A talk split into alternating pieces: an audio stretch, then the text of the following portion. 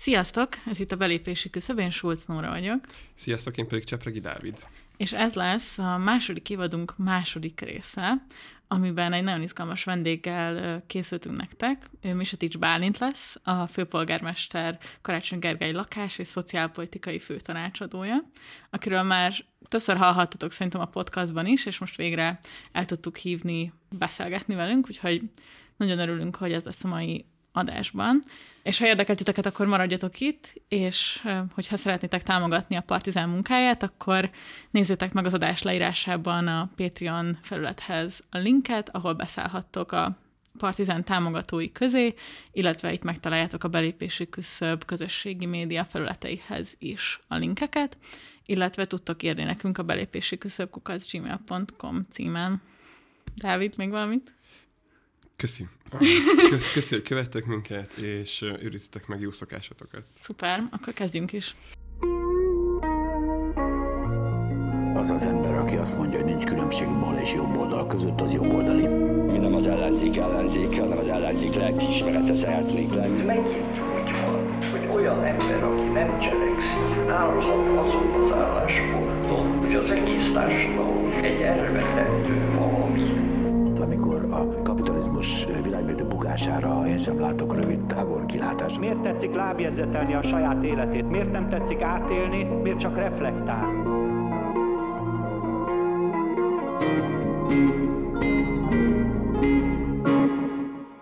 Üdvözlünk a stúdióban Bálint még egyszer. Sziasztok! Igen, ez volt Bálint hangja, hogy megkülönböztessétek a mieinktől. Rengeteg téma van, amiről szeretnék veled beszélni, és az, a Nóra már említette, hogy te jelenleg a főpolgármester eh, lakás és szociálpolitikai főtanácsadója vagy, de azért hosszú utat tettél meg, mondhatjuk úgy, hogy a mozgalomban, ahhoz, hogy eh, jelenleg egy ilyen eh, funkciót lássál a fővárosi önkormányzatnál. Mik azok az állomások a te mozgalmi életedben, amiket mindenképpen megjelölnél, vagy amiket így felelvenél?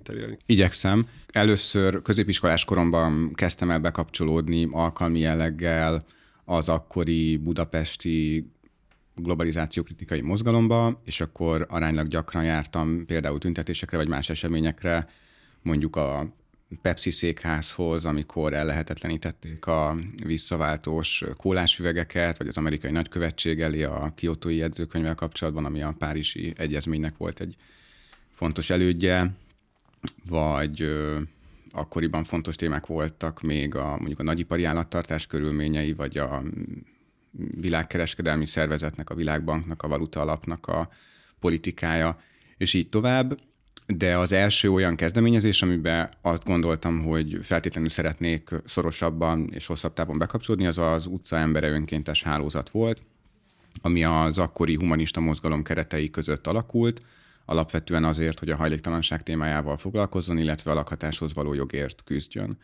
És ott dolgoztam aktivistaként 2004 és 2008 között. Egyébként ez a szervezet nagyjából hasonló témákkal foglalkozott, mint később a Város Mindenki csoport, tehát a lakhatáshoz való jog mellett a szociális bérlakások hiányával, az elhelyezés nélküli kilakoltatásokkal, illetve a szegénység kriminalizálásával, és azoknak az embereknek egy része alapította később hajléktalan emberekkel közösen a Város Mindenki csoportot, akik ott ismerték, ismertük meg egymást. Tehát ez viszont egy fontos különbség volt, hogy ott alapvetően a hajléktalan emberekkel való alkalmi együttműködéseken túl alapvetően jó szándékú, de a lakhatási szegénységben nem érintett emberek dolgoztunk együtt, és a Város Mindenkiért csoport megalapításának pedig ez volt a célja, hogy, hogy ne csak a hajléktalan emberekért, hanem a hajléktalan és lakásszegénységben élő emberekkel közösen egy ilyen osztályokon átívelő együttműködésben tudjunk együtt dolgozni. Az AVM-et 2009-ben alapítottuk, és akkor 2009 és mondjuk 2020 között én alapvetően ott dolgoztam aktivistaként. Amióta köztisztviselő lettem, azóta a Város Mindenkiért csoportnak a, az érdekvédelmi munkájában nem veszek részt, mert az visszatérően összeférhetetlen volna, alkalmanként összeférhetetlen volna, viszont van egy szolgáltatása a Város Mindenki csoportnak, az úgynevezett kilakoltatás ügyelet, amiben a sürgős, tehát egy-két héten belül esedékes kilakoltatási ügyeket kezeljük, ezeket igyekszünk megelőzni, megakadályozni, és ennek a szakmai vezetője vagyok azóta is. Ami kimaradt az időrendi felsorolásból az az, hogy 2007-8 környékén a, részt vettem a, abban a folyamatban, ami a, az LMP-nek a megalapításához vezetett, és aztán évekig még a, az LMP-nek tagja voltam, illetve részt vettem a, a tízes országgyűlési választási programnak a megalkotásában. Egy ideig talán szociálpolitikai szakszóvivője is voltam a pártnak, de, de pont a kritikus időszakokban aránylag sokat voltam külföldön egyébként, tehát azért egy idő után nem, nem tudtam olyan ö, nagyon intenzíven részt venni a pártba, majd amikor szakadt a párt, amit én egyébként egy nagyon-nagyon szerencsétlen fejleménynek tartok azóta is, akkor részt vettem a párbeszédnek a megalapításában is, és ott is egy nagyon rövid ideig tag voltam. Aztán a, a közös listával kapcsolatos folyamatok már, már nem voltak, nem tűntek akkor nekem vállalhatónak vagy önazonosnak, tehát akkor a, a párbeszédből kiléptem. Illetve ami még talán fontos lehet, az az, hogy tíz után aránylag sok olyan hát kampányban vettem részt, ami pedig a jogállam lebontása ellen szerveződött, különös tekintettel az alaptörvény negyedik módosítása elleni tiltakozásokra. Én amiben itt szívesen belekérdeznék, az azt hiszem az, hogy az AVM szerintem igazán így híressé, vagy így a médiában így átütővé, az a 2010 után a, alapvetően a, a Fidesznek a nagyon nyílt, hajléktalan üldöző intézkedésével vált. Viszont ezt te is mondod, hogy ez igazából már, már vagy még az MSP kormány alatt megalakult. Ha arról az ilyen politikai kontextusról mesélsz egy kicsit, hogy egyrészt akár, hogy az AVM-et miért tartottátok szükségesnek, vagy milyen politikai, meg szociális kontextusban jött létre, másrészt meg akár hasonlóképp, ugye, hogy az LMP-t mondjuk te hogyan élted meg, vagy hogy azt alapvetően mondjuk már akkor erre egy ilyen baloldali pártként gondoltál le, vagy hogy miért volt rá szükség, vagy még esetleg másképp gondoltál rá. Tehát erről az ilyen, igen, a tízes éveket közvetlenül megelőző időszakról milyen élményeid vannak, milyen gondolataid vannak? A szegénység kriminalizálásának valóban vannak jelentős 2010 előtti előzményei, és egyébként a hajléktalanság kriminalizálásának vagy hatósági rendészeti kezelésének is. Ez már az utcember önkéntes hálózatban is egy fontos téma volt tulajdonképpen, tehát például tüntettünk az akkori 13. kerületi önkormányzati vezetés ellen, a fedél nélkül, illetve a Menhel Alapítványjal közösen, amikor a néma koldulást is betiltották. Ennek azért volt jelentősége, mert az akkor zaklató kéregetésnek hívott jelenség, ami egyébként nem feltétlenül kellett, hogy bárkinek az aklatásával járjon, de ha tehát valaki úgy kéregetett, hogy és ez most is így van, hogy leszólít járókelőket, akkor az már szabálysértés, és akkor ehhez képest gondolta azt a, az akkori kerületi vezetés, ami egyébként ami megegyezik a mostani igen. kerületi vezetéssel, hogy, hogy akkor ezt is indokolt volna tiltani. De hát egyébként akkoriban a 6.-7. kerületi MSZP s polgármesterek is azzal kampányoltak, hogy, hogy karfákat vagy vaselválasztókat kell felszerelni a padokra, hogy a hajléktalan emberek ne tudjanak ott lefeküdni. Molnár Gyula akkori új budai MSZP-s polgármester hajléktalanmentes övezetek bevezetésével kampányolt, de egyébként a koldulásnak, a kukázásnak a tiltása az részben, mint cigányellenes intézkedés kisebb és főleg észak-kelet-magyarországi településeken, illetve mint hajléktalan ellenes intézkedés megyei jogú városokban is, Kaposvárot, Szegeden, és gyakran MSZP politikusoknak a jó voltából hát voltak ilyen kezdeményezések, tehát hogy ez akkor is egy téma volt, de hát azért egy minőségi különbség volt, ami, ami pedig 2010 után történt, részben azért, mert hát azért néhány lépésben eljutott a szabályozás oda, hogy például Budapesten a legtöbb közterületen, és aztán pedig még néhány lépéssel később az egész országnak az összes közterületén szabálysértésé, tehát büntethetővé vált a közterületi hajléktalanság, másrésztről pedig azért, mert a korábbi próbálkozások esetében azért volt egy álszentség meg valami szégyenérzet ezzel kapcsolatban.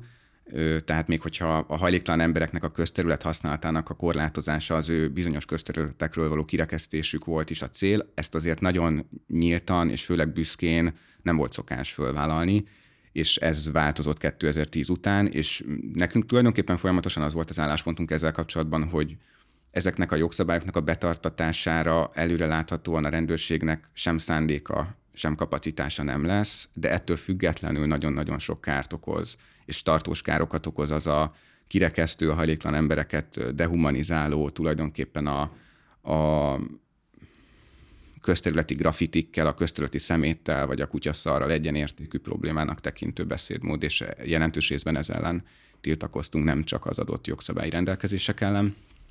A, de ez egyébként ennek van egy politikai leágazódása, és nem csak a kriminalizációval összefüggésben, hogy nekem a baloldali politikai szocializációm azért jelentős részben az akkori úgynevezett baloldali kormányokkal szemben alakult ki. Tehát amikor én először a fővárosi közgyűlésben voltam, akkor mi a Demszki adminisztráció ellen tüntettünk, mert megszüntették a fővárosnak a két úgynevezett hetes óvodáját, tehát ahol ahol ö, hétfőtől péntekig bent lakásos jelleggel tudtak lenni a gyerekek, és ez a legszegényebb családoknak ö, egy nagyon nagy segítség volt, és ennek a bezárása egyébként azzal fenyegetett, és azt hiszem, hogy, hogy egy néhány esetben meg is történt, hogy emiatt kerülnek gyermekek kizárólag szegénységi okokból, vagy anyagi okokból lakhatási probléma miatt állami gondozásba, és mhm. akkor ez ellen tüntettünk.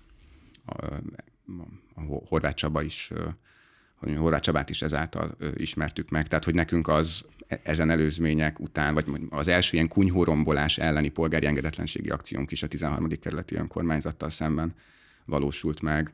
Tehát, hogy mondjam, nekünk ez a, később kialakuló vita, hogy a baloldaliságnak nem is a miben létéről, hanem azzal kapcsolatban, hogy, hogy tulajdonképpen ki hívja magát jogosan vagy indokoltan, megalapozottan, bármi tartalommal baloldalinak, az, az azért eként kérdésként nem merült föl, mert uh-huh. hogy ezt végignéztük ö, már korábbról, hogy ez, ez mit, már az MSZP-nek a ténykedése mit tud jelenteni a gyakorlatban. És a, a, a város mindenki csoport megalapítása, mert, mert erre is vonatkozott talán a kérdés, az meg alapvetően azt, azt az elgondolást igyekezett a gyakorlatba átültetni, hogy ha el szeretnénk érni egy társadalmi változást, akkor úgy helyes, és egyébként úgy hasznos is ehhez hozzáfogni, hogyha az adott társadalmi igazságtalanságnak vagy jogfosztásnak a, a közvetlen érintettjei, kárvalótja is ebben a munkában részt vesznek, és ez, ez lehetővé teszi azt, hogy a, például a hajléktalan emberekről, még ha nem is mint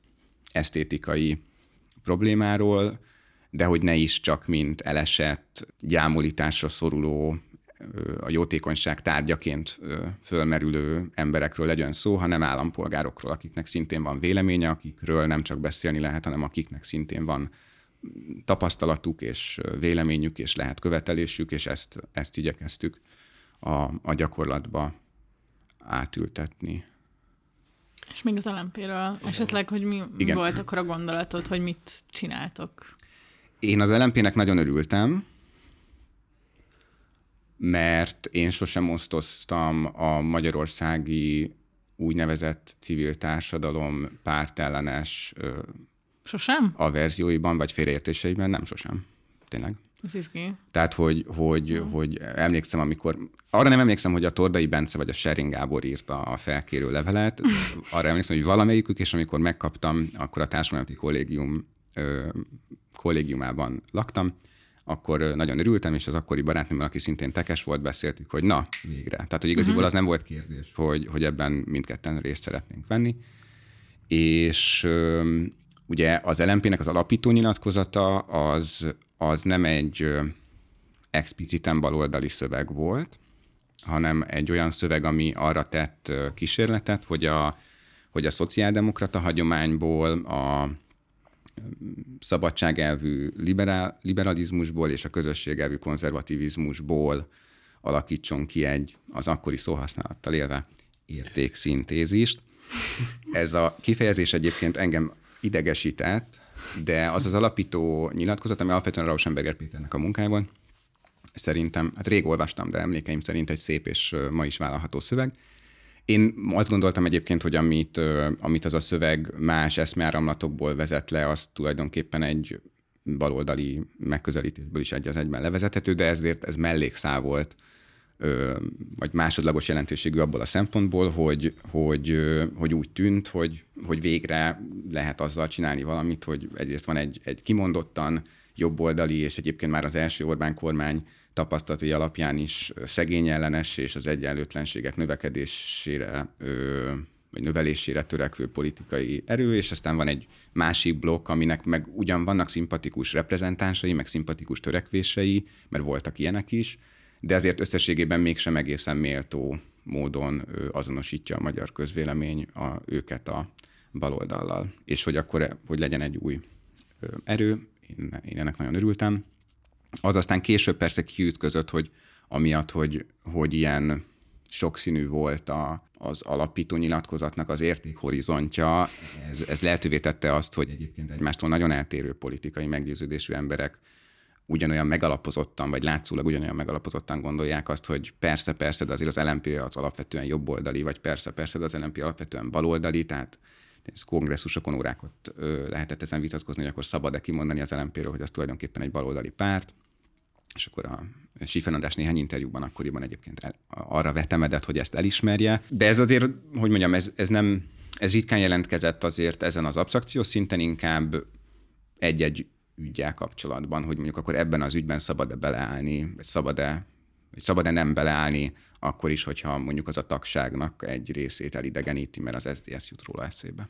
Említetted te is a szakadást 2013-ban, ami alapvetően nem ezen az ideológiai síkon történt, tehát nem az volt, hogy a baloldaliak szakadtak a konzervatívoktól, mivel ugye Schiffer maradt az LNP-ben, aki vállaltam baloldali, és a párbeszédben egy csomó baloldali ment. Tehát szóval, hogy biztosan, hogy, hogy ott az ilyen ideológiai törésvonalat a pártban egyértelműen, vagy egy kizárásosan lehet alkalmazni a szakadásra, vagy, vagy bajnai, és az előző húsz év elitjéhez való viszony volt inkább meghatározó. Itt több törésvonal esett egybe, vagy részben egybe. Hát ezt, ezt talán azzal a személyes élménnyel tudom megvilágítani leginkább, hogy én akkoriban, amikor erről szó volt, már nem jártam LMP kongresszusokra, és viszont lehetett tudni nyilván, akik részt vettek a pártnak a munkájába, tudták, hogy ez most egy a szokásosnál fontosabb kongresszus lesz, és akkor engem először egyébként a Schiffer András hívott el beszélgetni, arról, hogy most mindenki jöjjek el kongresszusra, mert, mert hogy itt a neoliberálisok szerveződnek, és hogy,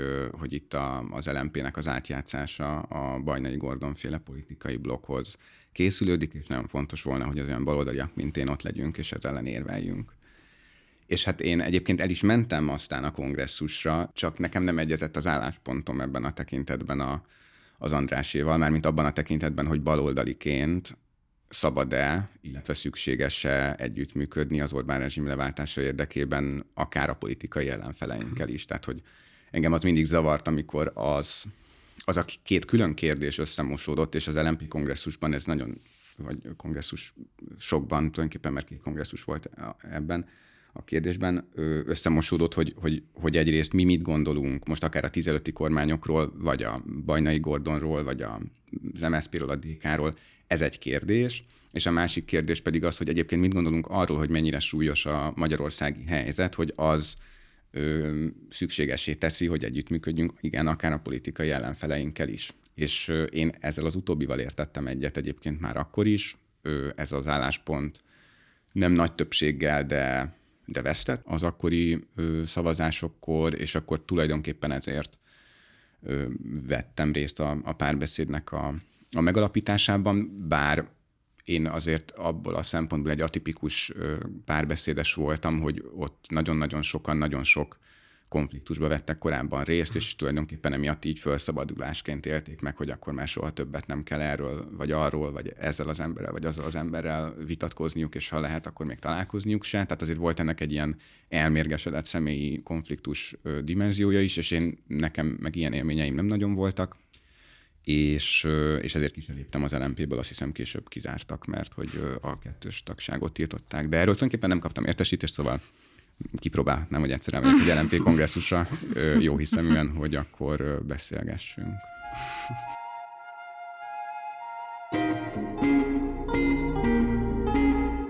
Én szerintem itt, amit meg akartam kérdezni, hogy a, hogy a Gulyás Marti többször beszélt arról ilyen nyilvánosan is, hogy te mekkora hatással voltál rá a bebalosításában, vagy a boldai fordulatában, és egyrészt érdekel, hogy ez a te szempontodból így van-e, vagy hogy volt, meg az is, hogy egyébként érzékeltél-e abban az időben, vagy, vagy a saját korosztályodban egy ilyen generációs, hogy van-e ilyen generációs élmény, hogy, hogy akár az Orbán rendszer, vagy vagy nem tudom, egyéb szempontból ilyen politikailag aktivizálódó, alapvetően liberális szempontok mellén aktivizálódó emberek, nem tudom, valamilyen kudarcokat élnek meg, vagy limitekbe ütköznek, és baloldali válaszok felé fordulnak, hogy, hogy van-e ilyen általánosabb jelenség is, vagy ez a, például, ami mondjuk a Marcival történt, meg amiről úgy beszél, hogy a te hatásodra is történt vele, az ilyen szempontból inkább ezek ilyen egyedi dolgok.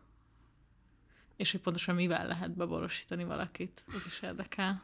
Ezek nehéz kérdések. A, a, az, azzal kapcsolatban, hogy a Marcinak a baloldali asításában mekkora szerepet játszottam, arról most azt hiszem nem, inkább nem nyilatkoznék. Itt én ezt, mármint, hogy nagyon jól esik, amikor ilyen nagy jelentőséget tulajdonít ebben a folyamatban nekem, meg ha így, is van, ha így van, akkor ennek nagyon örülök, mert ez szerintem jót tett a Marcinak is, meg a magyar népnek is.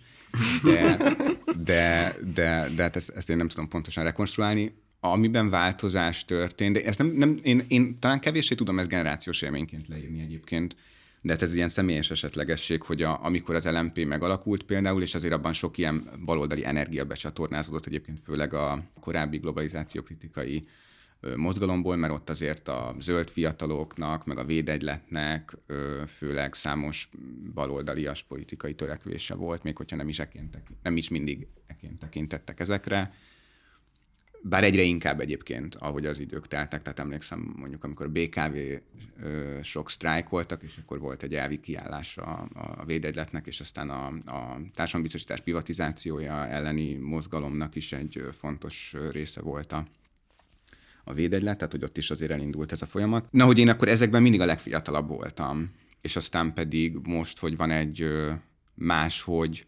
baloldali, és talán szélesebb körű baloldali szubkultúra, most meg inkább már idősebb vagyok, mint, mint az, az itteni átlag életkor. Tehát, hogy én ezt nem, nem pont, pont nem volt ilyen megélésem, hogy, hogy, hogy az én generációm az így vagy úgy.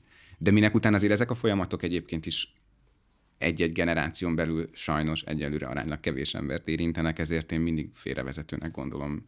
Uh-huh. Bármilyen, bármilyen generációs diskurzust inkább félrevezetőnek gondolok. Persze bizonyos kulturális kérdésekben, mondjuk a, az okostelefonok használatával kapcsolatban, vagy a vasárnap délelőtti Walt Disney műsorok ismeretével kapcsolatban ö, megalapozott ez a narratíva, de egyébként politikai értelemben szerintem ezek inkább félrevezetőek, mert, mert hogy ott számos más tényező, ideértve az osztályhelyzetet is egyszerűen nagyobb szerepet játszik, és azt gondolni, hogy, hogy egy egy magasan iskolázott szülők gyermekeiként megszülető budapesti joggimnáziumba járó, és aztán evidensen felsőoktatási intézményekben tanuló fiatal felnőttnek ugyanaz a generációs élménye, mint valakinek, aki mondjuk Sajókazára vagy Csenyétére születik alacsony iskolázott szülők gyermekeiként, és aztán szegregált iskolába jár néhány évig, vagy ameddig muszáj, és Szóval, hogy er, er, ő, őrülük úgy beszélni, mintha őket több minden kötné össze, mint ami elválasztja társadalmi ja, élmények és, és egyebek tekintetében, tehát hogy ez, ez szerintem mindig, mindig félre-vissza. A Momentum használja nagyon ezt a generációs narratívát, ami mint politikai szlogen akár még, még hasznos is lehet, de, de a szociológiai tartalma szerintem azért erősen nem, hiányos. nem, nem, én sem ilyen össztársadalmilag akartam extrapolálni, inkább csak az, hogy például szerintem, akik részt vettek mondjuk a hahában, uh-huh. vagy ilyen diákmozgalmakban, az mégis szóval az aktivista, vagy a mozgalmi közegen belül szerintem mégiscsak van valami, tehát szóval vannak generációs élmények, hogy aki részt vett az LMP korai időszakában, aki részt vett a hahában, annak szerintem azért vannak ilyen közös pontjai azzal kapcsolatban, hogy, hogy stratégiai kérdésekben adott esetben mit gondol, hogy mi a viszonya mondjuk ahhoz, hogy pártban dolgozni, mit tart prioritásoknak. Szóval, hogy ilyen módon gondoltam, hogy, hogy, hogy hogyan balosodik be az ember a 2010-es évek első felében gyakorlatilag, uh-huh. vagy, hogy, vagy hogy ebben van-e szerinted valamilyen élmény, de, de tök valid persze, hogy ezek ennél bonyolultabbak, meg más elvek mentén szerveződnek. Lehet, hogy nem vagyok abban a pozícióban, hogy erről sok élményem lenne, mert ami, ami van nekem saját élményem az egy más történet, már magammal kapcsolatban, és amit pedig én ezekben tapasztaltam egyébként, mondjuk akár a hahában az egy jó példa, az meg ennek azért az ellenkezője volt inkább, hogy, hogy bármiféle politikai vagy ideológiai elköteleződéssel szemben széleskörű averzió volt, uh-huh. és széleskörű intenzív félelem a más politikai szervezetekkel, különösen a pártokkal való bármi nemű együttműködés vagy összemosódással szemben, tehát hogy nekem ott inkább az volt az élményem, hogy hogy, hogy, hogy akár hisztérikus reakciókat tud az kiváltani, hogyha mikor az alaptörvény módosítása után kiderült, hogy a, a Fidesz székház már többek számára kiderült, akik eddig nem tudták, hogy korábban nem tudták, hogy a Fidesz székház zába szervezett polgári engedetlenségi akció, az úgynevezett Fidesz székházfoglalásnak több szervezője egyébként akkoriban párbeszéd tag volt, és akkor erről nagyon-nagyon intenzív, nagyon hogy mondjam, ilyen személyeskedéseket is magába foglaló hosszú-hosszú beszélgetéseket, meg vitákat kellett folytatni, hogy ez hogy lehet, hogy ők ezt nem tudták, vagy hogy akkor most tényleg a Bajnai Gordon mozgatja a szálakat, ahogyan azt a magyar nemzet megírta.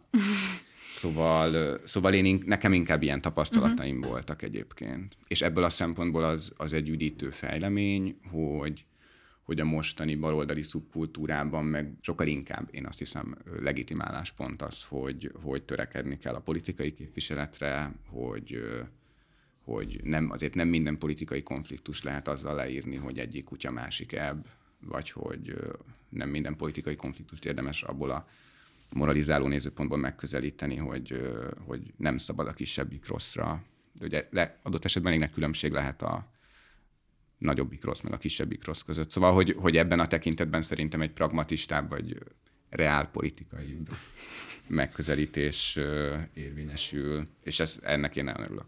Tehát szerintem ez felszabadító.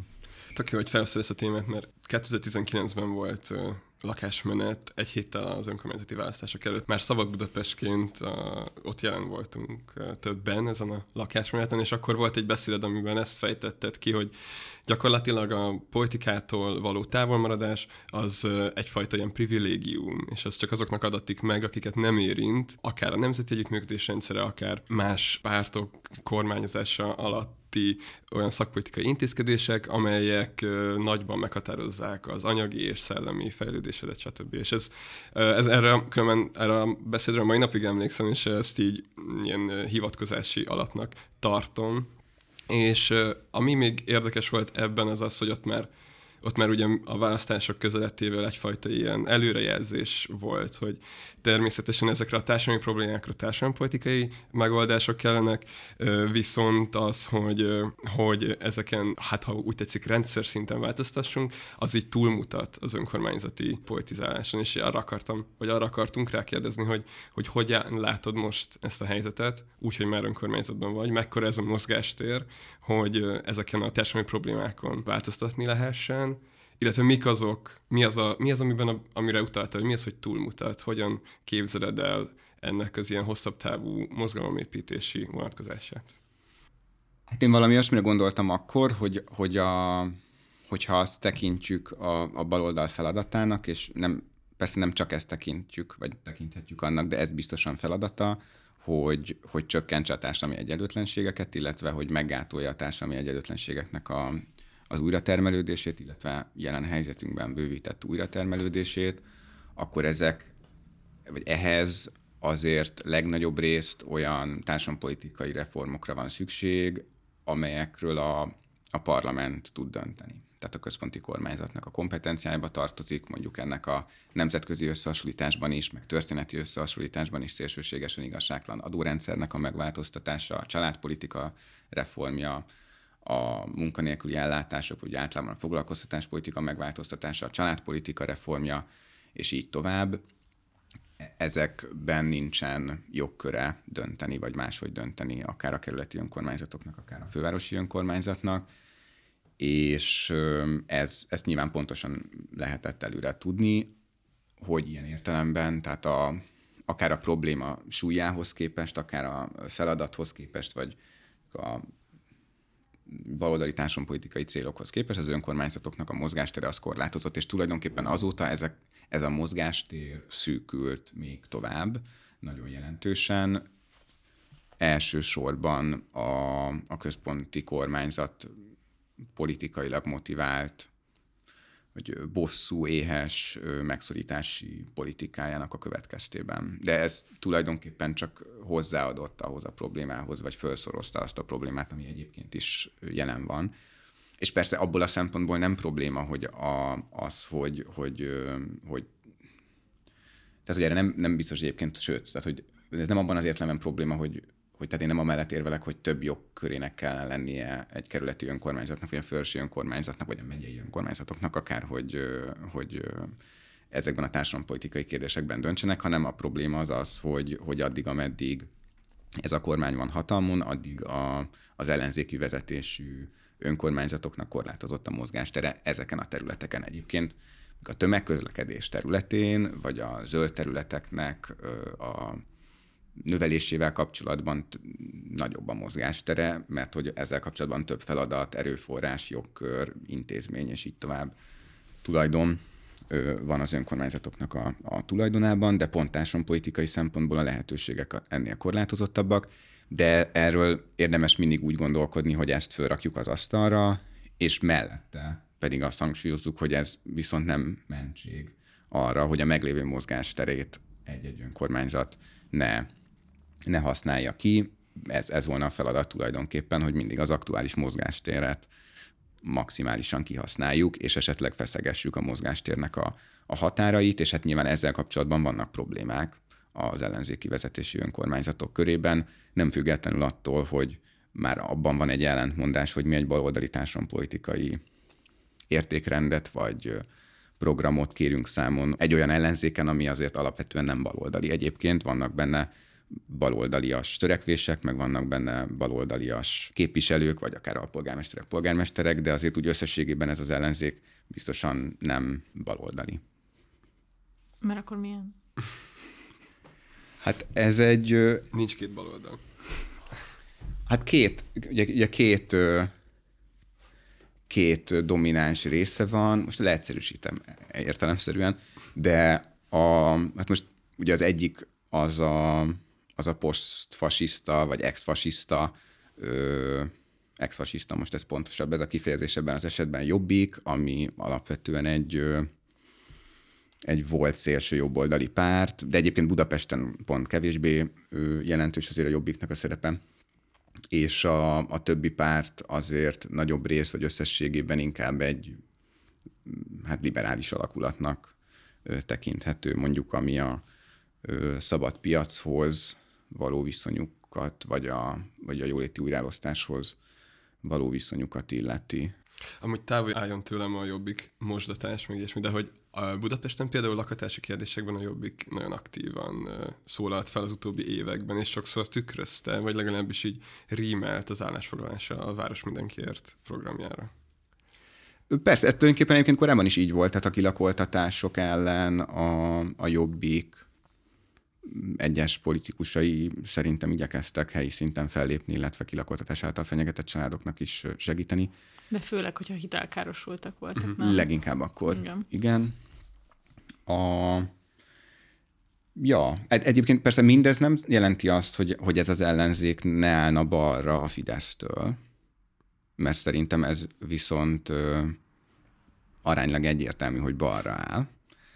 Ö, úgy az ellenzék egészében is, meg az egyes pártokra is, hogyha ha gondolunk, hogy az MSP, a DK, vagy a Momentum, a párbeszéd különösen, az LMP, ezek a fontos kérdésekben mind egyaránt és alkalmanként jelentősen balra állnak a, a Fidesztől, de ugye ez nem ugyanaz, mint hogy, hogy ezek baloldali alakulatok lennének. Tehát Magyarországon az egész, tehát a politikai spektrum maga csúszott el a, a, a jobb oldalra, vagy a jobb szélre, tehát tulajdonképpen a, a, most megint csak akár nemzetközi összehasonlításban, akár történeti összehasonlításban ö, kialakuló ö, politikai spektrumnak a baloldali térfele az nem, vagy alig lakott Magyarországon, és a baloldali, jobboldali különbségek a jobboldali, illetve centrum részén váltakoznak ezen a spektrumon belül, és akkor van egy-egy szimpatikus képviselő persze, aki, vagy egy-egy szimpatikus kezdeményezés, ami pedig azért átátcsúszik a tényleges baloldalra, de azért úgy összességében ez az ellenzék a Fideszhez képest baloldali, de egyébként sok szempontból pedig, pedig nem, vagy nem eléggé az.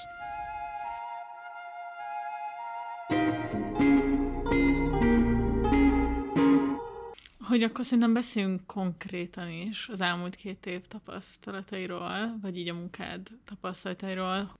Azért Karácsony Gergely viszont egy zöld és baloldali Budapestet ígért, szerintem, vagy, vagy elég sokszor tette arra utalásokat, hogy, hogy őt alapvetően aki választja, az ezért is választhatja. Na persze nem csak ezért, de hogy, hogy ez egy legitim elvárás vele kapcsolatban, hogy ilyen téren tevékenykedni fog politikailag, és szerinted ez mennyiben tudott megvalósulni? Mennyiben volt ez egy valós ígéret annak tekintetében, hogy korlátozottak voltak a lehetőségek, és most még inkább, és hogy mégis, amit mondtál, hogy kell feszegetni a határokat, ebben mi a tapasztalat, mit lehetett elérni, vagy mit lehet még elérni majd a következő két évben körülbelül, ami, ugye? Nem? Inkább három. Három, ja igen. Ja, mert igen, igen, igen. Szerintem ez egy, ez egy rendben lévő célkitűzés volt. A, pont a fővárosi önkormányzat esetében azért van egy olyan adottság, hogy a státusza a fővárosi önkormányzatnak, meg a tényleges jogköre, az, az nem esik egybe. Tehát, hogy, hogy például az egy gyakori félreértés, hogy a fősi önkormányzat valamilyen értelemben a keleti önkormányzatok felett állna, ami azért ebben a tekintetben, tehát hogy ez nem igaz alapvetően a, a legtöbb ö, téma és ö, tudom, szabályozási tárgy esetében. Tehát, hogy itt, és ezzel viszont egy, egy kampányban, tehát, hogy ez, erről nehéz szerintem emiatt igazán pontosan beszélni. Mert hogy, hogy így a, az, a, az alapfogalmak, amikről beszélgetünk, azok nincsenek teljesen összhangban a, az igazsággal. De szerintem ez egy, ez egy helyén való célkitűzés volt. A, az érdekes az az, hogy hogyan tudjuk ezt a, ezt a célkitűzést pontosabban az ezen célokért elért vagy el nem ért eredményeket egy olyan skálán értékelni, ami egyrészt nem túlzó, amennyiben nem támasztunk túlzó elvárásokat tekintettel a jogkörök hiányára, meg a megszorításokra, meg a koronavírus járvány gazdasági hatásaira, költségvetési hatásaira, egyebekre. Másrészt viszont nem is adunk mindezek miatt egy, egy Bianco felmentést, hogy hát itt úgy se lehetett volna ennél sokkal többet elérni, mert hogy járvány volt, és a harmad és a Fidesz, és elvonások, és akármi. Tehát, hogy szerintem a kettő között kell valahol megtalálni, és ez, ez egy, szerintem egyébként nem egy, nehéz, nem egy könnyű feladat, tehát hogy ez egy nehéz feladat. Reálisan belülni akár az elvárásainkat, akár a, az ambícióinkat ezzel kapcsolatban. Szerintem hát lehetett eredményeket elérni, most ugye még nem tart a, ez az önkormányzati ciklus a fél idejénél, tehát én azért azt remélem, hogy három év múlva jóval több eredményről tudunk mondjuk egy hasonló Persze. beszélgetésen beszámolni.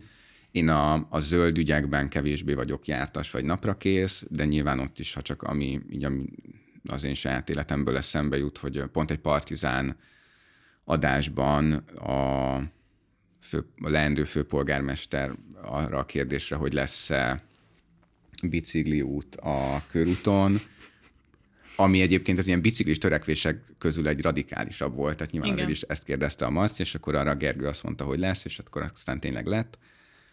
Még hogyha lehet, vagy biztosan lehet, meg kell is ezt még fejleszteni, hogy pontosan hogy, vagy mondjuk most a rakpart átalakítása kapcsán, hogy azért az egy sokkal fásabb, és emiatt árnyasabb, meg kellemesebb, szebb, szebb hely lesz így, hogy nem csak a Gergő pozícióban, a Bardószi Sándor pozícióban van, vagy más szempontból a részvételiség azt hiszem sokat javult annak nyomán is, hogy a Marietta, Alé Marietta ő osztályvezető lett ebben a városvezetésben, de említhetném az Ámonadának a szerepvállalását is, aki pedig klímaügyeken ő, dolgozik főosztályvezetőként a Városházán.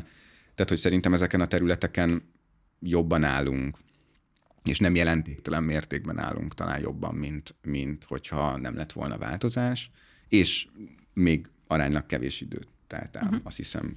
És ezzel kapcsolatban azért a, a járványügyi helyzet az tényleg nagyon-nagyon-nagyon-nagyon sok kapacitást elvitt. Mondjuk attól függően, hogy ki mivel foglalkozik, változott ez, hogy a teljes idejét elviszi valakinek, vagy inkább csak másoknak viszi el az idejét, és ezért nem tud dolgozni a saját területén, de mondjuk én amikor durva járványi időszak van, akkor az, ez biztos, hogy a munkaidőmnek a többségét és bizonyos időszakokban pedig szinte az egészét azzal töltöttem, hogy a járványi válságkezeléshez igyekeztem hozzájárulni, és nem azzal, hogy a megfizethető bérlakásállományt hogyan tudja az önkormányzat bővíteni, mert hogy egyszerűen egy olyan szokatlan és ismeretlen és veszélyes helyzet volt, ami, ami emiatt elsőbséget élvezett.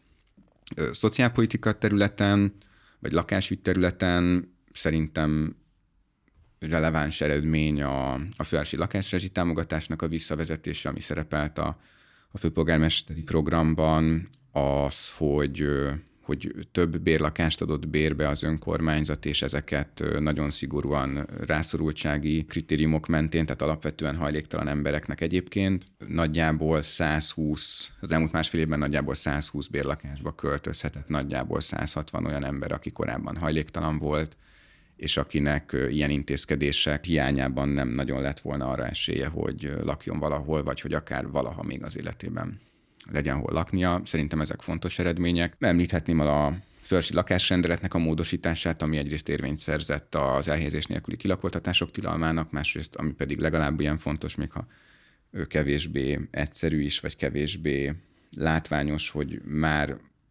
azoknak a folyamatoknak a, a legelején amelyek később elvezethetnek egy lakásvesztéshez vagy lakáskrítési eljáráshoz, legyen lehetősége a, a hátralékba került bérlőknek rendezni a hátralékát, rendezni a jogcímét, hogyha közben már nincs szerződése, tehát ezekben is történtek előrelépések, illetve azon sokat dolgoztunk az elmúlt időszakban, hogy a, az ötlettől egy inkább megvalósítható koncepcióig, részletes javaslatig ö, elvigyük a, a lakásügynökséget. Tehát, hogy a, még nem indult el a fölsi lakásügynökség, de, de már jóval közelebb állunk ahhoz, hogy ez mondjuk jövő évnek az első felében elindulhasson, ami ugye arra a kérdésre igyekszik majd választ adni, hogy, egy, hogy hogyan lehet az új lakásépítésnél vagy lakásvásárlásnál gyorsabban, de különösen az ahhoz szükséges kezdeti tőkebefektetés hiányában növelni a megfizethető és biztonságos bérlakásállományt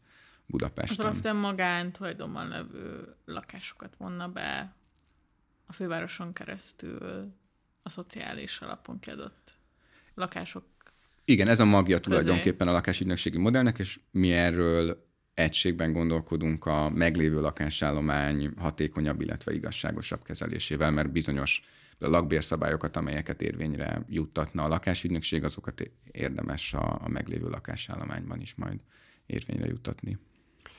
A lakhatási kérdéseknél maradva ugye tavaly a kormány lehetővé tette azt, hogy önkormányzati rendeleteken keresztül a turisztikai célra kiadhatott rövidtávú lakáskiadást korlátozzák az éjszakák számában. Ugye itt ez a Stop Airbnb kampányon keresztül vált egy viszonylag puskaporos témává.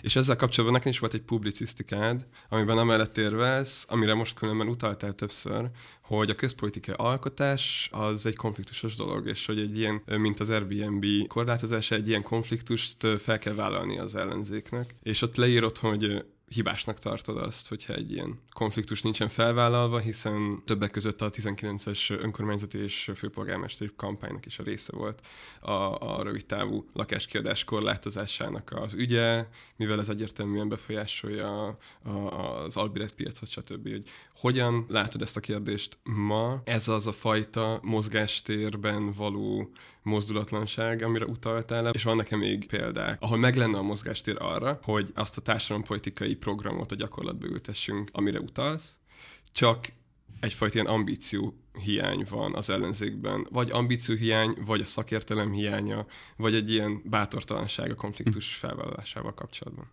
Nem közvetlenül a lakások turisztikai célú használatának a korlátozáshoz kapcsolódik, arra vissza fogok térni, csak ha már említetted a szakértelem hiányát, az szerintem egyébként egy nagyon fontos és nagyon aktuális korlátja a, a helyi szinten is megvalósítható társadalompolitikai reformoknak az átviteléhez. Tehát azért ahhoz, hogy egy jó gondolatból, vagy egy ötletből, vagy egy célból ténylegesen, tehát intézkedés, előterjesztés, költségvetési sor, és aztán pedig megvalósulás legyen, ahhoz, ahhoz mindenféle olyan készségekre is, meg kapacitásokra is szükség van, ami nem feltétlenül áll rendelkezésre, illetve a legtöbb helyen szerintem jelenleg ezen a területen, tehát a társadalompolitika területén nem áll kellő mértékben rendelkezésre. De ez miért van egyébként? Szóval ez alapvetően azért, mert nem volt politikai pozícióban sok ember, aki mondjuk, nem tudom, baloldali célokat tud, szeretne mondjuk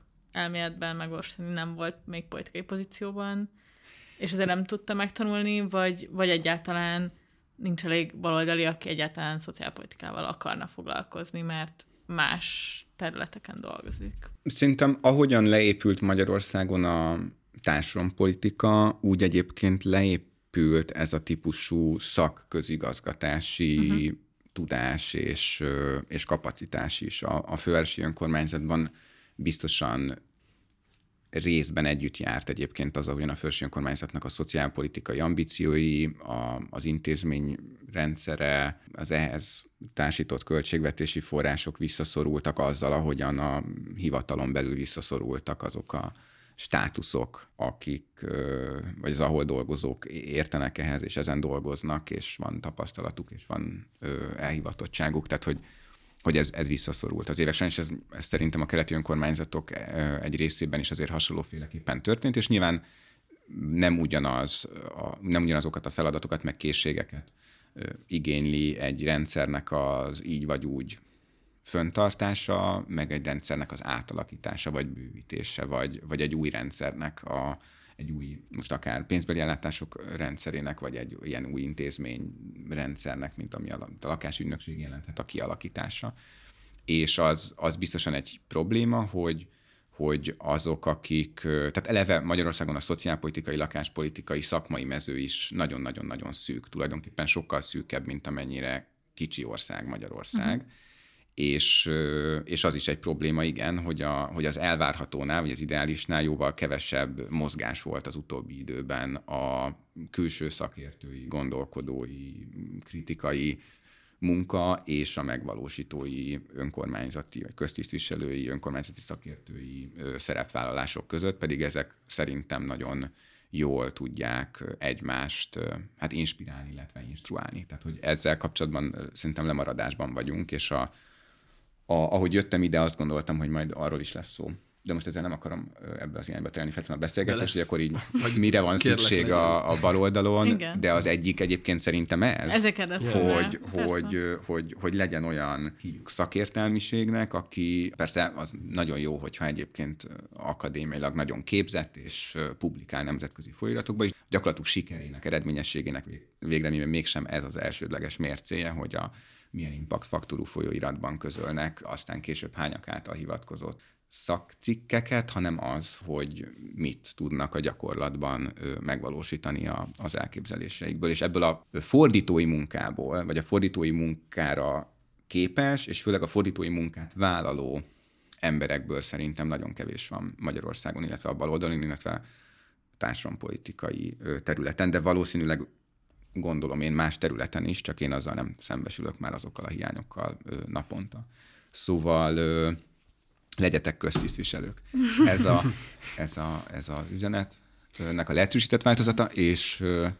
Az Airbnb-vel kapcsolatos... Igen, igen, és az pedig arra példa, és szemben azzal, amit úgy általános tendenciaként leírtam, hogy ezzel kapcsolatban, tehát a lakások turisztikai célú használatának a korlátozásával kapcsolatban, és ezáltal részben úgy általában a lakásügyel kapcsolatban tulajdonképpen növekedett és jelentősen növekedett az önkormányzatoknak a mozgástere.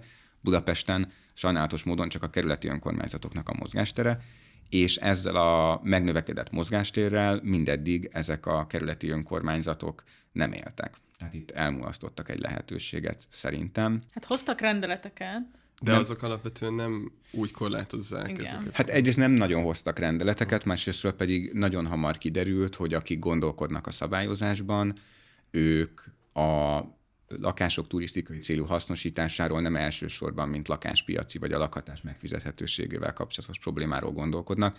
Noha ha egy-egy kerületben akár a magánbéleti szektorhoz viszonyítva 40-50 százalékos a de facto szállodaként használt lakásoknak az aránya, akkor az evidensen hatással van a lakásoknak a lakbérére, és evidensen nem jelentéktelen hatással van a lakásoknak a lakbérére, tehát hogyha egy politikusnak fontos a megfizethető lakhatás ügye, vagy a lakbérek megfizethetőségének az ügye, akkor ezzel szerintem nem tud na, nem szabadna nem foglalkoznia, és mégis a, a kerületi önkormányzatok közül azok, vagy a vezetők közül azok, amik nyilatkoztak, vagy kezdeményeztek valamiféle szabályozást, az ezt a kérdéskört egy az egyben figyelmen kívül hagyta, és tulajdonképpen arra irányulnak, vagy irányultak mindeddig ezek a törekvések, szemben a Stop Airbnb kampányjal, vagy szemben a főpolgármester álláspontjával, vagy az én álláspontommal, hogy a lakások turisztikai célú használatával kapcsolatos ilyen lakossági kellemetlenségeket igyekezzenek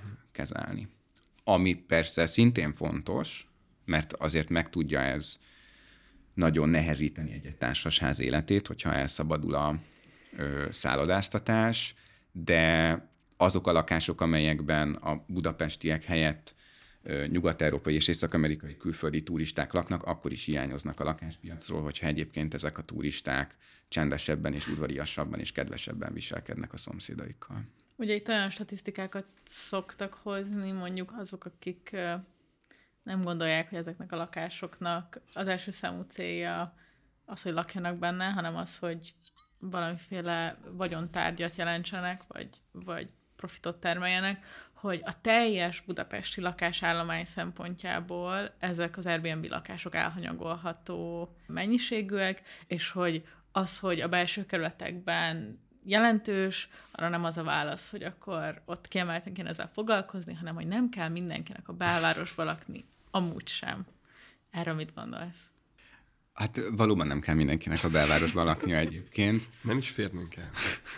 De azért azt tulajdonképpen még a megfizethető lakhatás iránti elköteleződés hiányában is elismerhetjük, hogyha emberek kiszorulnak a belső kerületekből a külső kerületekbe, illetve a külső kerületekből agglomerációs településekre, és így tovább, az, az nem egy jó irány, mert hogy az olyan típusú externáliákat okoz, a közlekedés növekedésében, a légszennyezés növekedésében, egyébként a, a mindezek kezelésére fordított közkiadások növelésében, meg hát egyébként az emberek életminőségében, akiknek azért gondolom nem mindegy, hogy 10-15 percet, 20-25 percet, vagy mondjuk 40-50-60 percet kell azzal tölteniük, hogy, hogy a lakóhelyükről a munkahelyükre elköltözzenek, tehát hogy, hogy az a hogy mondjam, városfejlesztési vagy urbanisztikai szempontból is magától értetődő, hogy, hogy az a folyamat, amelynek során egyre kevesebb budapestiek, budapesti tudja megfizetni akár közepes jövedelműek se a budapesti lakbéreket, az, az tarthatatlan, és tulajdonképpen senkinek sem jó. És hát egyébként persze van ennek egy olyan aspektusa is, hogy mert hogy az, azt így a budapestiek, vagy meg, megkérdezte ezt valaki a budapestiektől, hogy tényleg azt szeretnék-e, hogy a belváros nagyobbik részében ne budapestiek lakjanak, hanem lakásokba üzemeltetett szállodák legyenek, és ez nem csak azzal függ össze, hogy akkor kinek van hol laknia, hanem hogy az ezáltal a jelenség által érintett városrészekben, mondjuk a, a kereskedelmi egységek, vendéglátóipari egységek is elkezdenek nem a budapestiek, hanem, hanem egy más, tehát egy, egy, egy vendégként ideérkező rétegnek az igényeihez igazodni, ami ahhoz vezet, hogy valaki, még ha esetleg még lakhat is ott valahol, mert abban a szerencsés helyzetben, hogy tulajdona van, azt tapasztalja, hogy tulajdonképpen már egyre kevesebb kávézóba, vagy étterembe, vagy kocsmába tud beülni anélkül, hogy ne a megszokottnál kétszer-háromszor annyit kelljen fizetnie ugyanazért. Tehát, hogy, hogy az, hogy tulajdonképpen a városok arra valók-e, hogy, hogy a városlakók lakjanak benne, vagy arra, hogy, hogy így spektákulumként mutogassuk a budapestieknél jóval gazdagabb nyugat-európai és észak-amerikai turistáknak, azért arról is szerintem érdemes volna beszélgetni.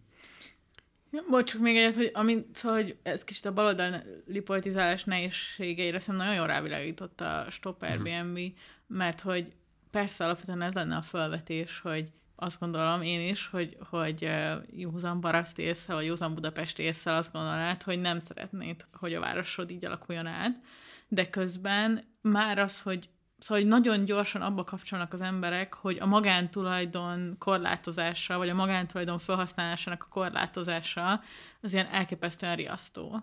És hogy kicsit az van, hogy, hogy tényleg ilyen nagyon alapvető ideológiai kritikai tartalmakat kellene átadni nagyon konkrét reálpolitikai célokkal párhuzamosan.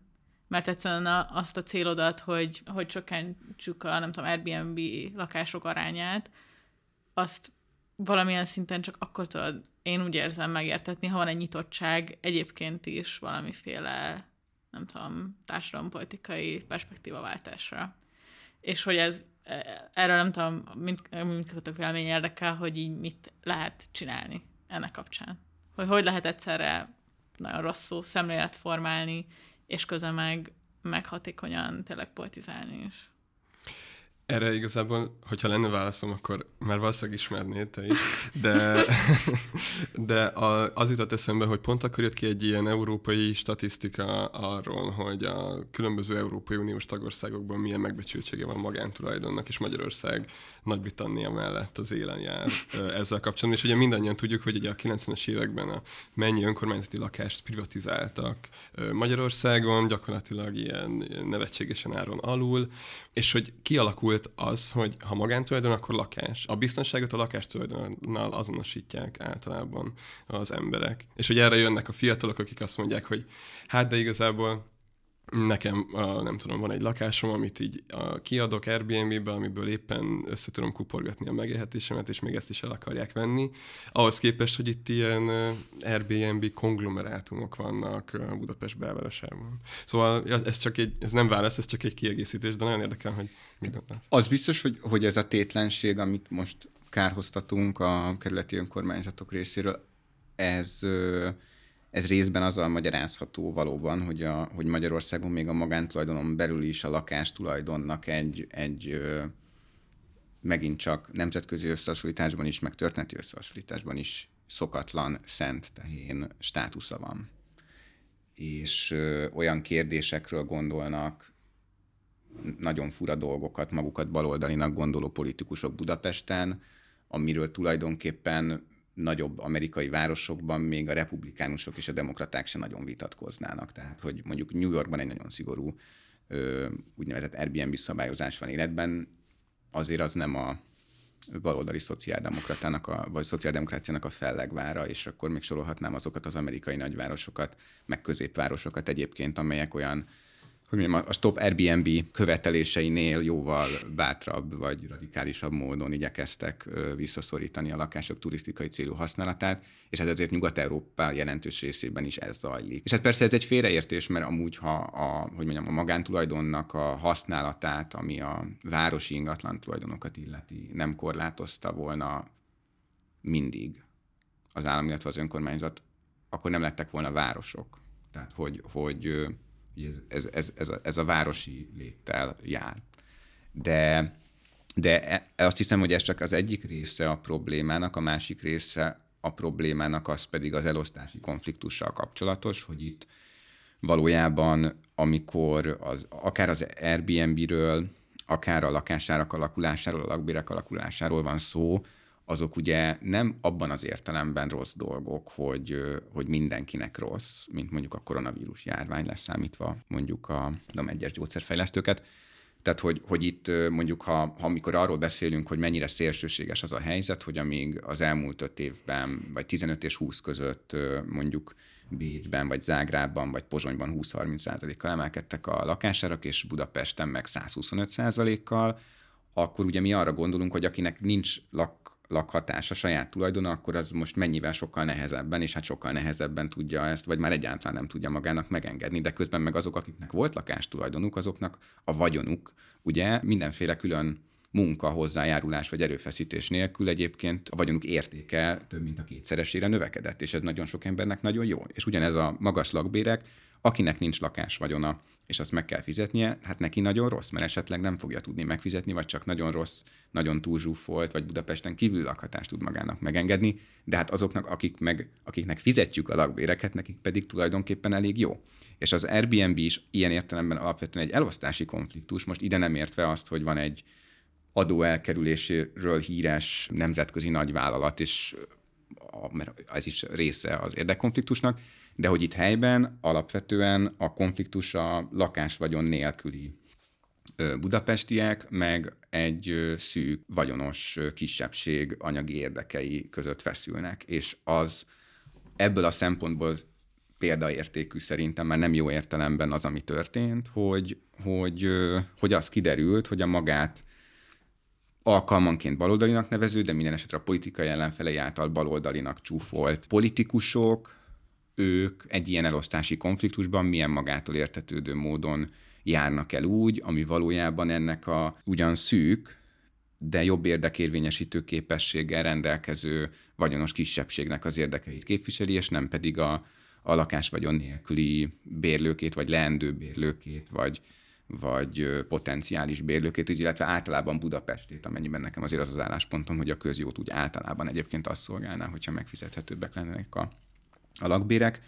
És, és ez szerintem nem független attól, hogy, hogy nagyobb a szociometriai közelség, meg a kulturális hasonlóság azok között az emberek között, akik ezeket a döntéseket meghozzák, vagy elmulasztják meghozni, és azok között az emberek között, akik a lakások turisztikai célú használatának az ilyen tényleg vagy nyugati szabadpiaci szabályozása, vagy nem szabályozása helyzetnek a haszonélvezői. Tehát, hogy ezek az emberek, ezeknek az embereknek a volt gimnáziumi osztálytársai, meg rokonai, meg barátai, meg ismerősei, meg üzletfelei, szemben azokkal a bérlőkkel, akik esetleg még csak a szavazóik sem, Igen, pont azáltal, mert a, magas, ö, a lakhatás magas költsége miatt kiszorultak a kerületből, vagy ha még ott is laknak, csak mint bérlők laknak ott, és a tulajdonos egyébként jogsértő módon akadályozza jog és törvénysértő módon akadályozza, hogy nekik lakcímük legyen a kerületben. És ezt tulajdonképpen előre lehetett tudni, hogy ilyen politikai gazdaságtani értelemben ez egy nehezen meghozható szabályozás lesz, még akkor is a társadalompolitikai szempontból aránylag egyértelmű, hogy mi a helyes, mert hogy a, az ennek a szabályozásnak a költségei azok közvetlenül jelentkeznek egy szűk, jól körülhatárolható társadalmi rétegnél, és azonnal szemben az előnyöknél, amelyek pedig időben eltolva, és egy nehezebben körülhatárolható esetleg valamilyen értelemben már nem is helyi, tehát nem a és választási helyi. politikára uh-huh. lefordíthatatlanul. Így, így igaz, igen. Tehát például arról, hogy a hetedik kerület vagy a hatodik kerület, ugye erre is voltak törekvések, akkor részvételi módon döntsünk erről, hogy hozzanak ezek az önkormányzatok szabályozást. Hát ez egy helyes törekvés bevonni persze a döntésekbe a lakosokat, csak ez egy olyan döntés, ami mondjuk érinti a kispestieket is. Ugye? Mert hogy ők egyébként lehet, hogy a Ferencvárosban laktak előtt, ezelőtt tíz évig, vagy tíz éven át, csak most már azt nem tudják megfizetni, és akkor hamarosan most már a Kispestit sem fogják tudnák megfizetni, és kiköltöznek sűjsápra. De attól még ők mondjuk ide járnak dolgozni, vagy ide köti őket a, a múltjuk. Szóval, hogy, hogy ezért is tulajdonképpen a, ez az egyébként helyes törekvés a részvételiségre pont ebben a kérdésben sajnos félrevisz, és nem véletlenszerű irányba visz félre, hanem a, a helyi vagyonos haszonélvezők irányába, akik egyébként persze nem helyiek valójában, mert pont ahogyan Dávid utaltál rá, azért itt egy jelentős koncentráció van a, a budapesti Airbnb piacon is, tehát azt pontosan tudjuk, hogy ennek azért olyan túl sok köze nincs a közösségi megosztáson alapuló gazdaság, vagy a sharing economy ideológiájához, hogy akkor ilyen kis vállalkozásban a kis szobát, meg a kanapét, vagy, Persze, semmi. hanem hogy ez egy ipar tulajdonképpen, egy kvázi szállodaipar, ami a szabályozás hiányosságain keresztül tesz lehetővé egy a lakás kiadásnál jóval magasabb profitrátát, ami nem szolgálja budapestiek érdekeit, és akkor, hogy kerek legyen, ezért nagyon nagy csalódás szerintem mindannyiunknak, akiknek fontos ez a téma, hogy a kerületi önkormányzatok közül még azok se, akiktől ez elvárható lett volna, nem éltek ezzel a szabályozási lehetőséggel mindeddig.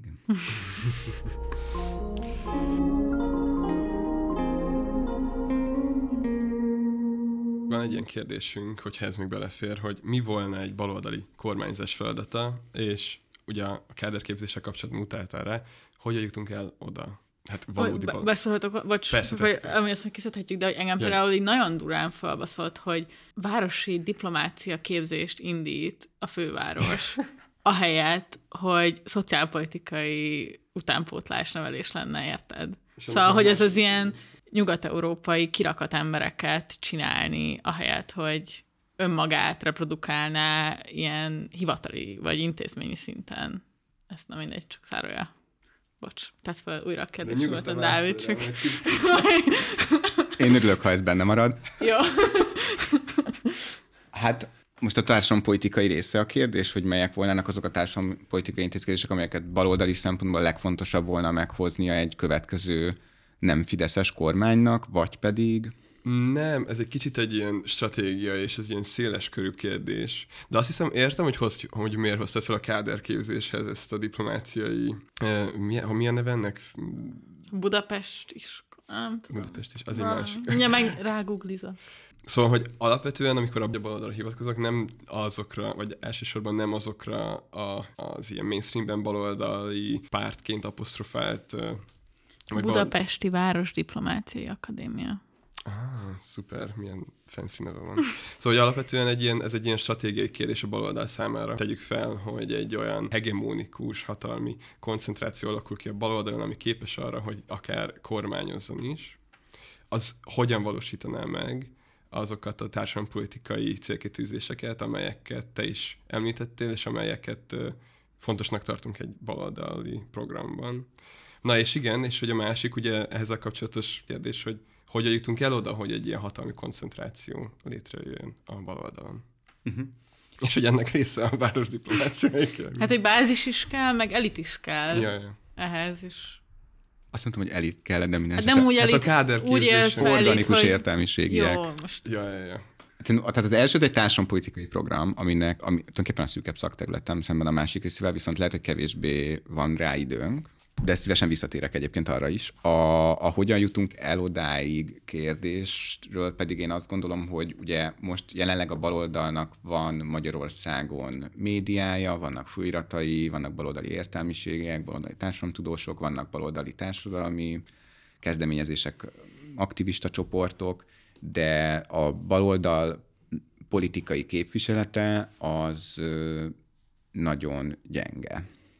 Ez nyomokban van csak jelen, kismértékben és nyomokban, és én ezt látom egy hiányosságnak tehát, tehát hogy azt, hogy, hogy legyen jelentős, markáns és következetesen baloldali párt, vagy pártok Magyarországon. Tehát, hogy szerintem ez, e- ez az egyik fontos irány, amire, hogy mondjam, így középtávon értem, érdemes volna haladni, hogy, hogy legyen Magyarországon is baloldali párt, vagy, vagy ugye az persze egy kérdés lehet, hogy a párbeszédet baloldalinak tartjuk-e, de hogy a hogy ebbe az is beleférhet, hogy a párbeszéd lesz egy baloldalibb és nagyobb, és esetleg az MSZP-től kicsit függetlenebb alakulat, tehát hogy ez is lehet ennek egy alakváltozata. De szerintem ez az egyik. A másik az az, hogy, és akkor ez utal, uh-huh. visszautal a társadalompolitikai részre is. Nehéz lehet adott esetben megvalósító társadalompolitikai reformokon gondolkodni, meg azokról ö, hatásvizsgálatot, vagy bármit készíteni, hogy egyébként a, ezeknek a bevezetésének a belátható jövőben nulla esélye van, de ez mégis nagyon-nagyon-nagyon fontos, és szerintem ebből a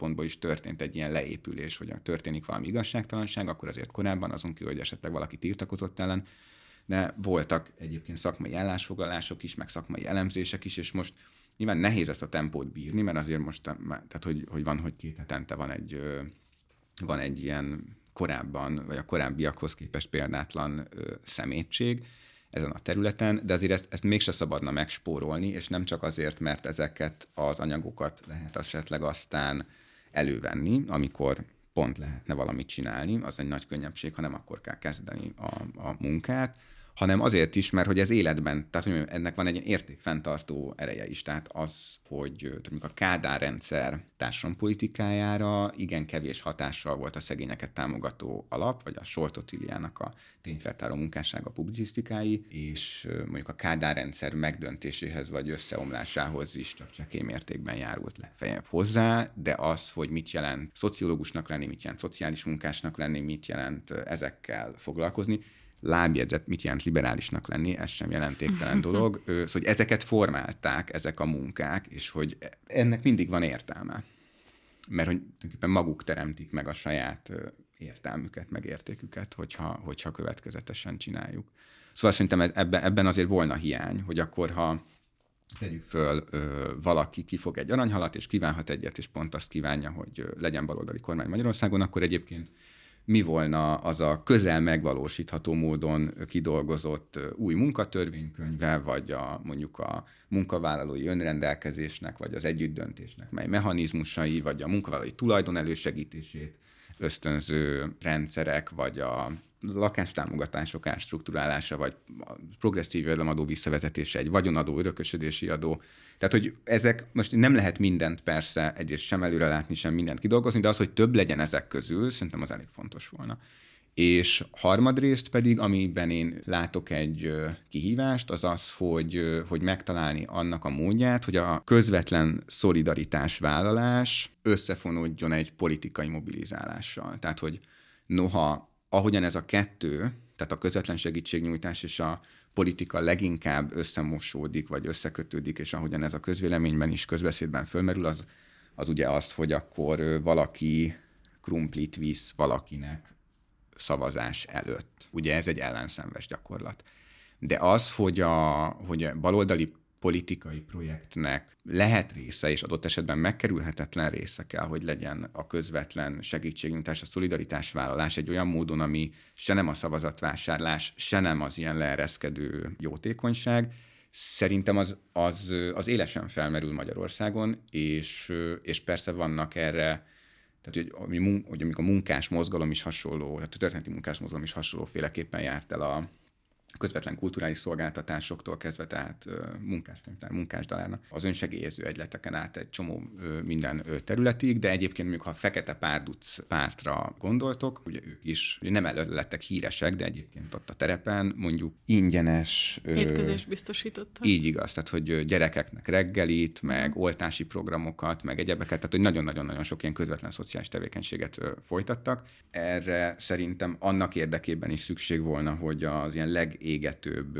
szükségét másoknak tudjuk enyhíteni, és azért is, hogy az a társadalmi réteg, ami a kívánatos haszonélvezője lenne egy baloldali társadalompolitikának, és egyébként a baloldal társadalmi bázisa tudjon egymáshoz közeledni. Ennek nem ez az egyedüli eszköze persze meg területe, mert hogy hasonlóképpen fontos volna az is, hogy legyenek esetleg munkásosztálybeli, egyébként legyenek cigány-magyar képviselői a baloldalnak, az ellenzéknek. Ne csak rólunk, hanem velünk típusú Persze. megközelítésnek az is része kellene, hogy legyen, hogy, a, hogy egy baloldali politikai szervezetnek a tagságában, elnökségében, vezetőségében, és van neki országgyűlési képviselő ja, vagy frakciója, akkor abban is legyenek. Márkizaj Péter ezt kezelni fogja. Sajnos nem fogja kezelni valószínűleg, mert, vagy én nem, jelenleg én nem azt látom, hogy abba az irányba haladnának a folyamatok, hogy, hogy, hogy ezt ezt át tudná vinni a pártokon. Ha. De persze bízhatunk ö, a mezővásárhelyi polgármesterben. Fú, nem gondoltam, hogy elhangzik a podcast. Ebben a tekintetben, mert egyébként szerintem az minden ö, egyéb ellenvetés ö, mellett a abszolút elismerésre méltó, Igen? hogy ezt ő... Nekem nagyon ellenszemes volt ez a ö, Hát mert a reprezentáció az nem minden, és nem elég, és ez pont, hogy így át, ez, ez fajta ilyen huszár meccésen megoldaná egy problémát, amire hivatkozási alapot. Ja, nyilván nem. És Igen. És Utána egész kormányzás alatt erre hivatkozhat, érted? Hát nyilván nem, de azért az, hogy, a, hogy, hogy egy tehát, hogy az ellenzéknek törekednie kellene arra, hogy a parlamenti képviselőik körében nagyjából a társadalmi részarányuknak megfelelően legyenek jelen cigány magyarok, szerintem az, az elég egyértelmű. Persze. Most ez nem feltétlenül egy ilyen típusú kvótával kell, sőt, uh-huh. ugye alapesetben ez, erre nem lenne szükség kvótára, hiszen a szervezetbe kellene beépíteni. Hiszen az Igen. egész rekrutációs, meg, meg, meg képzési, meg minden egyéb folyamat biztosíthatná, hogy ez így legyen.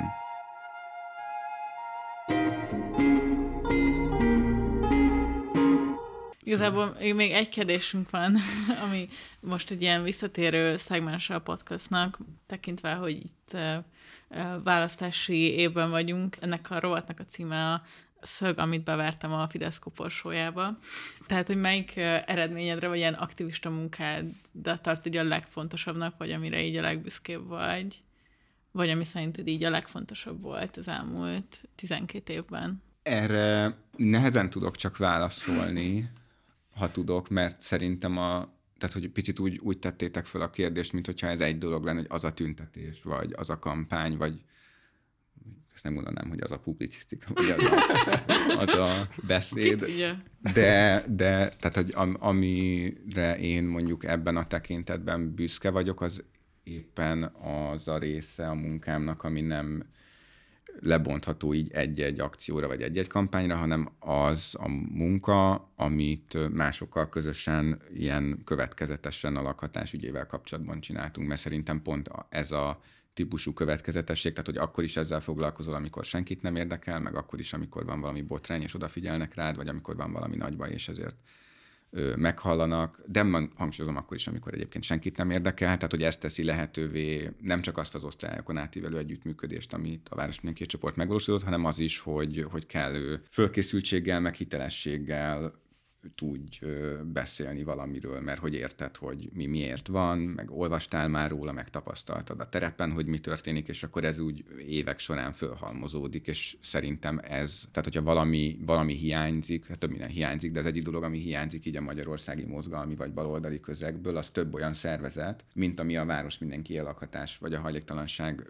területével kapcsolatban, ami úgy nem csak akkor, amikor éppen a hírciklus fölhozza, vagy nem a választási ciklusokhoz igazodva, hanem hogy, hogy évekig valami ügyet és egyébként ehhez kapcsolódóan gyakorlatokat és tudást és érveket fölépít és, és gondolsz. Tehát, hogy ha valamire, akkor én inkább erre volnék büszke. Szuper. Nagyon köszönjük, hogy elvállaltad ezt a beszélgetést. Én nagyon élveztem, és megint nagyon sokat tanultam.